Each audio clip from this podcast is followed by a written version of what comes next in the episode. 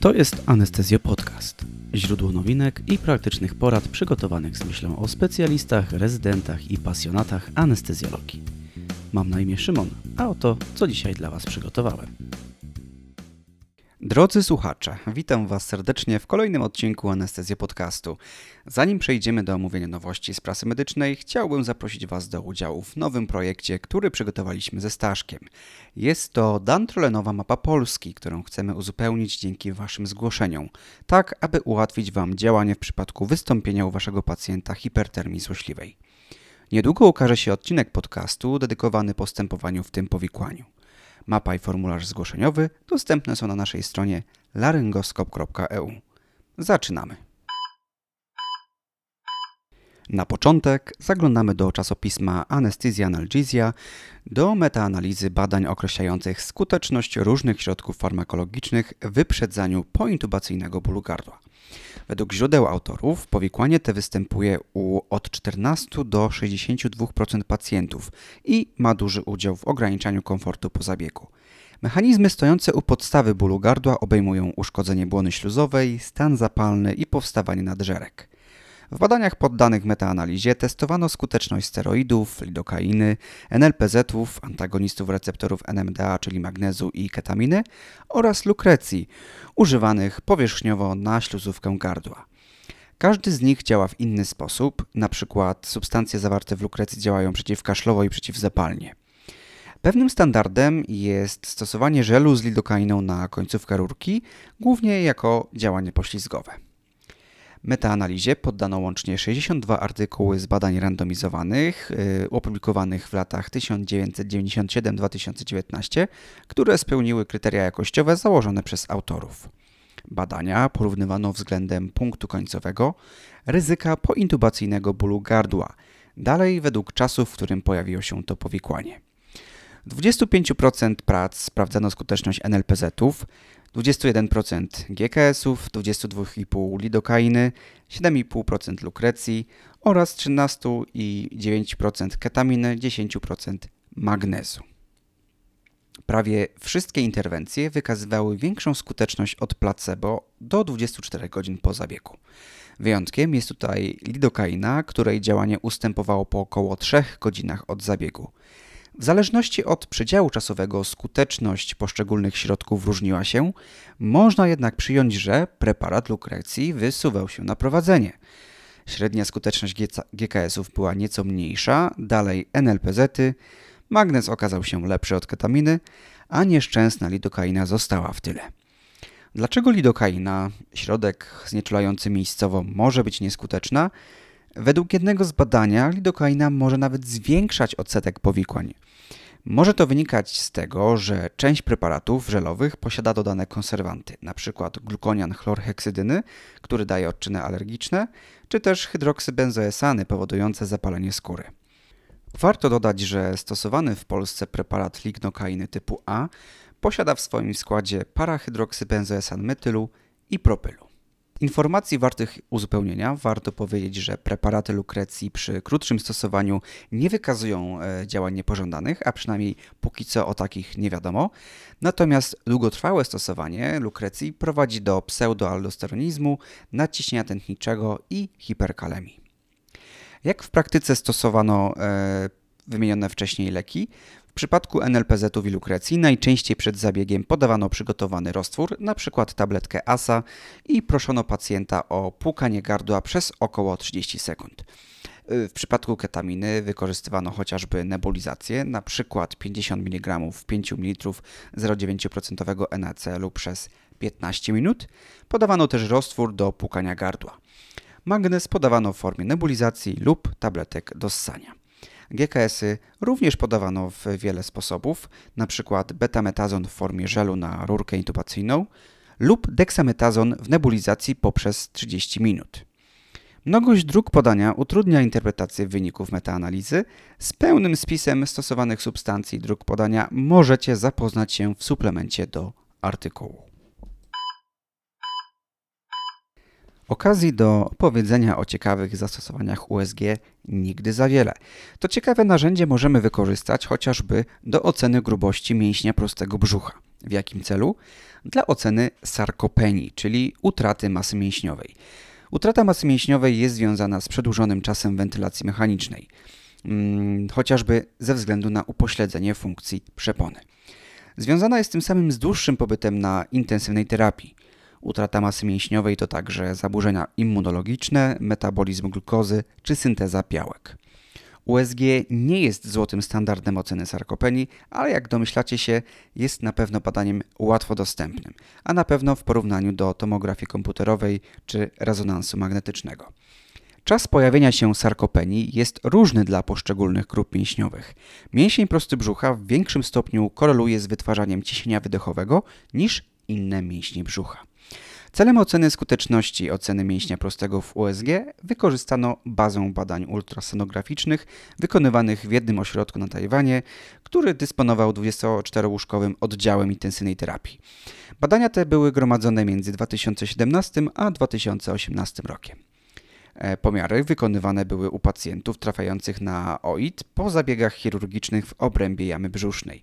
Badanie opierało się na protokole EFAST, do którego dodano rutynowy pomiar grubości mięśnia prostego brzucha. W przypadku pobytu dłuższego niż tydzień reocenę podejmowano na oddziale co 7 dni.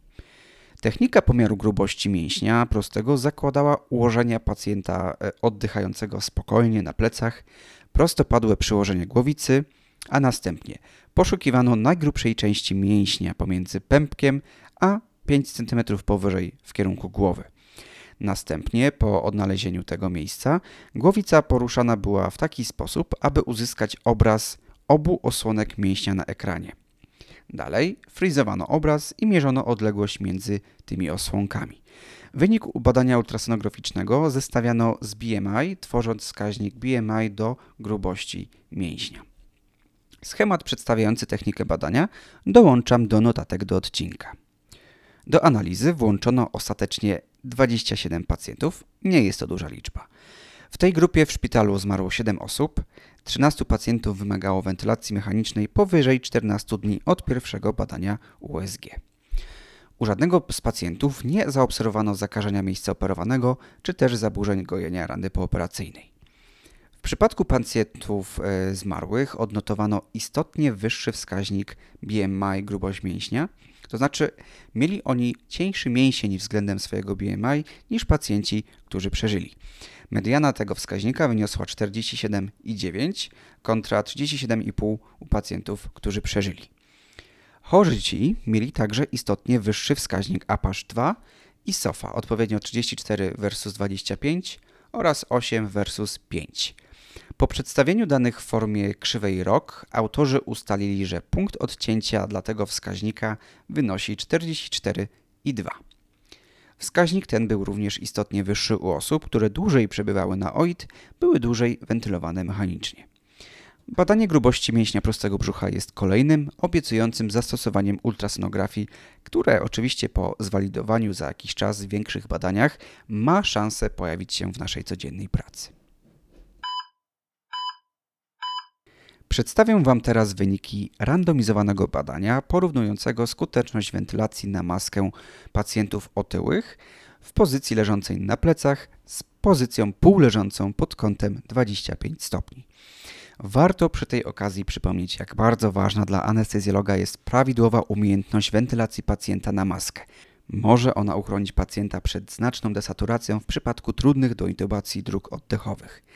Niestety nadal często zbyt małą uwagę przykłada się do prawidłowej techniki wentylacji na maskę. Pacjent otyły jest szczególnie wymagający ze względu na zmniejszoną objętość płuc, większą zapadalność dróg oddechowych, krótszy czas bezpiecznego bezdechu w trakcie intubacji. Według jednego z badań trudne drogi oddechowe występują u około 8,8% otyłych pacjentów w porównaniu do 2,2% ogólnej populacji.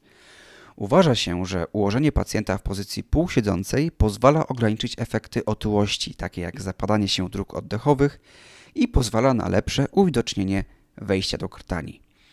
Grupę badaną w opisywanym badaniu stanowiło 36 pacjentów, 19 kobiet i 17 mężczyzn. Kość grupy badanej została obliczona przed rozpoczęciem badania i zdaniem autorów pozwala uzyskać 95% istotności statystycznej.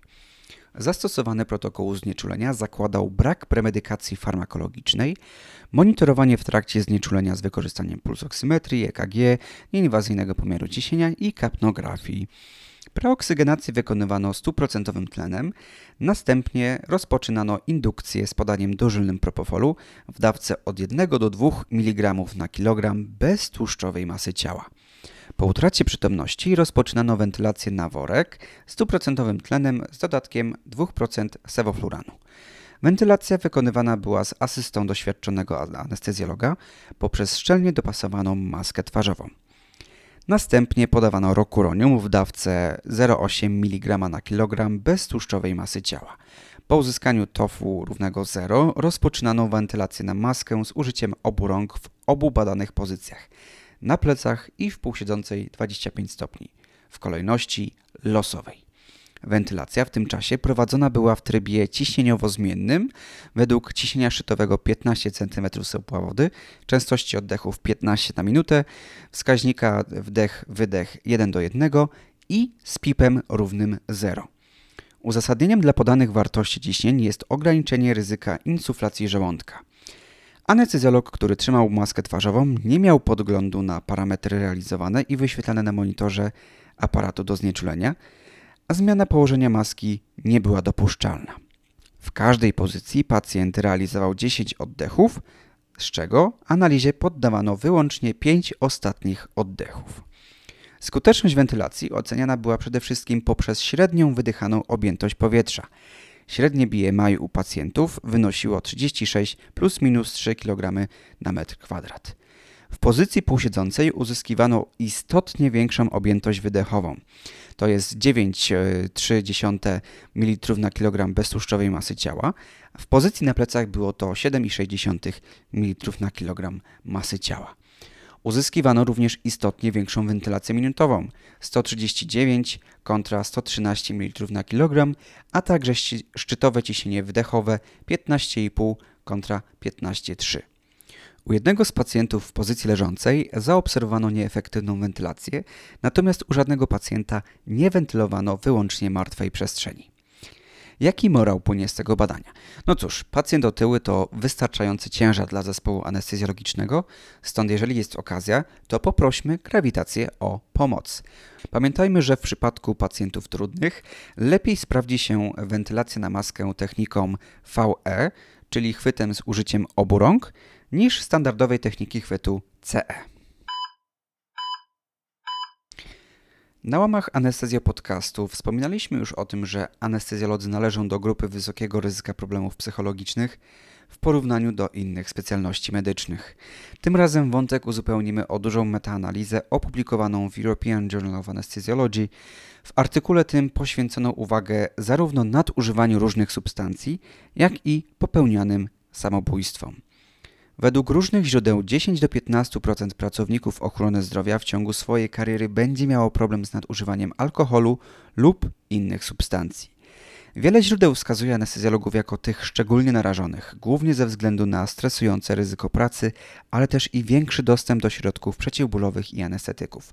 Aby w bardziej obiektywny sposób ocenić skalę zjawiska, autorzy artykułu przygotowali metaanalizę obejmującą 39 badań obserwacyjnych o łącznej próbie 129 tysięcy badanych osób. W analizie porównywano śmiertelność, w tym tą zależną od przypadkowego lub celowego nadużycia leku, częstość zaburzeń depresyjnych i lękowych oraz innych zaburzeń osobowości. W czterech bardzo dużych badaniach kohortowych nie wykazano związku między większym nadużywaniem substancji psychoaktywnych a zwiększoną śmiertelnością niezależnie od przyczyn zgonu w porównaniu z innymi grupami medycznymi. W dwóch mniejszych badaniach kohortowych wykazano zwiększoną śmiertelność związaną z używaniem leków wśród anestezjologów o ilorazie szans równym 2,69. Przypadku samobójstw związanych z nadużyciem leku iloraz szans wyniósł 2,18. Iloraz ten oznacza, że anestezjolodzy mają 2,18 większe ryzyko popełnienia samobójstwa z przedawkowaniem leków niż pozostali medycy. Jedno badanie poświęcone związkowi nadużywania substancji psychoaktywnych nie wykazało zwiększonej częstości zaburzeń nastroju. Najczęściej nadużywaną substancją był alkohol, z kolei spośród środków stosowanych w anestezji były to oczywiście opioidy.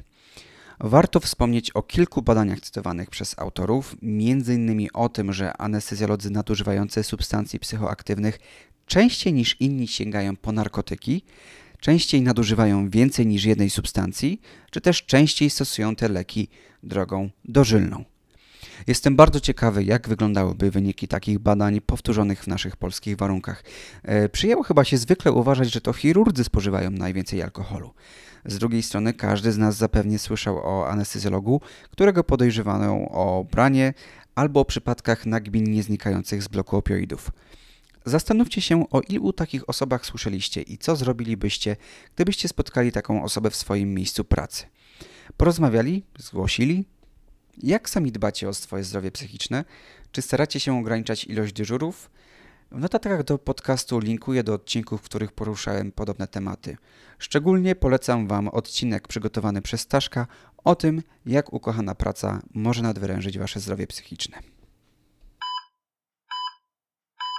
Na koniec dzisiejszego odcinka przyjrzymy się związkom znieczulenia zewnątrzoponowego z częstością występowania delirium. W ostatnim wydaniu Anesthesiology opublikowano wyniki randomizowanego badania, w którym porównywano częstość tego powikłania u osób starszych poddawanych dużym zabiegom chirurgicznym.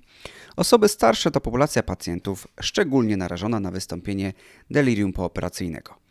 W badaniu wzięło udział 1802 pacjentów między 60 a 9 rokiem życia, dzięki czemu jest to obecnie jedno z większych badań w tym temacie. Pacjenci zostali rozdzieleni w sposób losowy po połowie do dwóch typów znieczulenia. W pierwszej grupie pacjenci otrzymywali wyłącznie znieczulenie ogólne, w drugiej z kolei znieczulenie ogólne łączono ze znieczuleniem zewnątrzoponowym.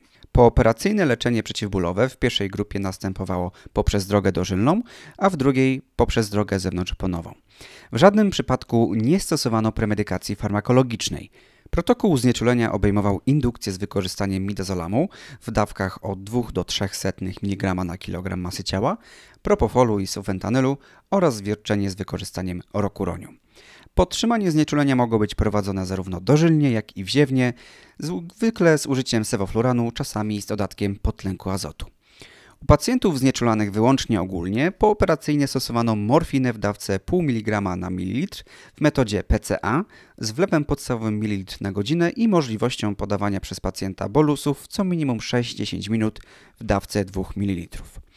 U pacjentów ze znieczuleniem łączonym stosowano roztwór 0,12% ropivakainy z 0,5 mikrograma na mililitr sufentanylu, również w trybie PCA, z wlewem podstawowym 4 ml na godzinę i z możliwością podawania bolusów przez pacjenta w wielkości 2 ml co minimum 20 minut. W przypadku pacjentów ze znieczuleniem łączonym stosowano łącznie mniejsze dawki anestetyków, opioidów, środków zwalczających i przeciwzapalnych, za to otrzymywali oni większe objętości koloidów, uzyskiwano u nich niższe wartości mapu, wyższe e, tętno i większą produkcję moczu. Częstość delirium była istotnie mniejsza wśród tej grupy, Powikłanie te wystąpiło u 1,8% pacjentów w porównaniu do 5% pacjentów znieczulanych wyłącznie ogólnie. Zależność ta była obserwowana dla wszystkich trzech typów delirium, czyli dla delirium hipoaktywnego, hiperaktywnego i mieszanego. Rzadziej też występowały u nich pooperacyjne nudności wymioty 9 kontra 13%. Z drugiej strony, u pacjentów ze znieczuleniem łączonym częściej pojawiała się hipotensja śródoperacyjna 49% przypadków kontra 33%. Pacjenci ze znieczuleniem łączonym dłużej przebywali z map poniżej 65 mm supartenci. Było to 17 minut w porównaniu z 8 minutami przy znieczuleniu wyłącznie ogólnym. Pacjenci ci również częściej wymagali stosowania wazopresorów 58 kontra 45%. Wydaje się, że główną przyczyną rzadszego delirium po znieczuleniu łączonym jest zmniejszenie stosowanych dawek anestetyków i opioidów, a tym samym możliwość prowadzenia płytszej sedacji. Zastosowanie znieczulenia zewnątrzoponowego pozwoliło na lepszą kontrolę bólu, który również jest istotnym czynnikiem delirium. Dzięki temu badaniu możliwe będzie lepsze dobranie rodzaju znieczulenia, zwłaszcza jeśli mamy do czynienia z pacjentami zagrożonymi delirium, czy też pacjentami zagrożonymi okooperacyjnym spadkiem ciśnienia tętniczego. Serdecznie dziękuję za wysłuchanie tego odcinka. Raz jeszcze mocno zapraszam Was do wypełniania naszej ankiety, która pozwoli wypełnić naszą dantronową mapę Polski. Do usłyszenia do następnego odcinka.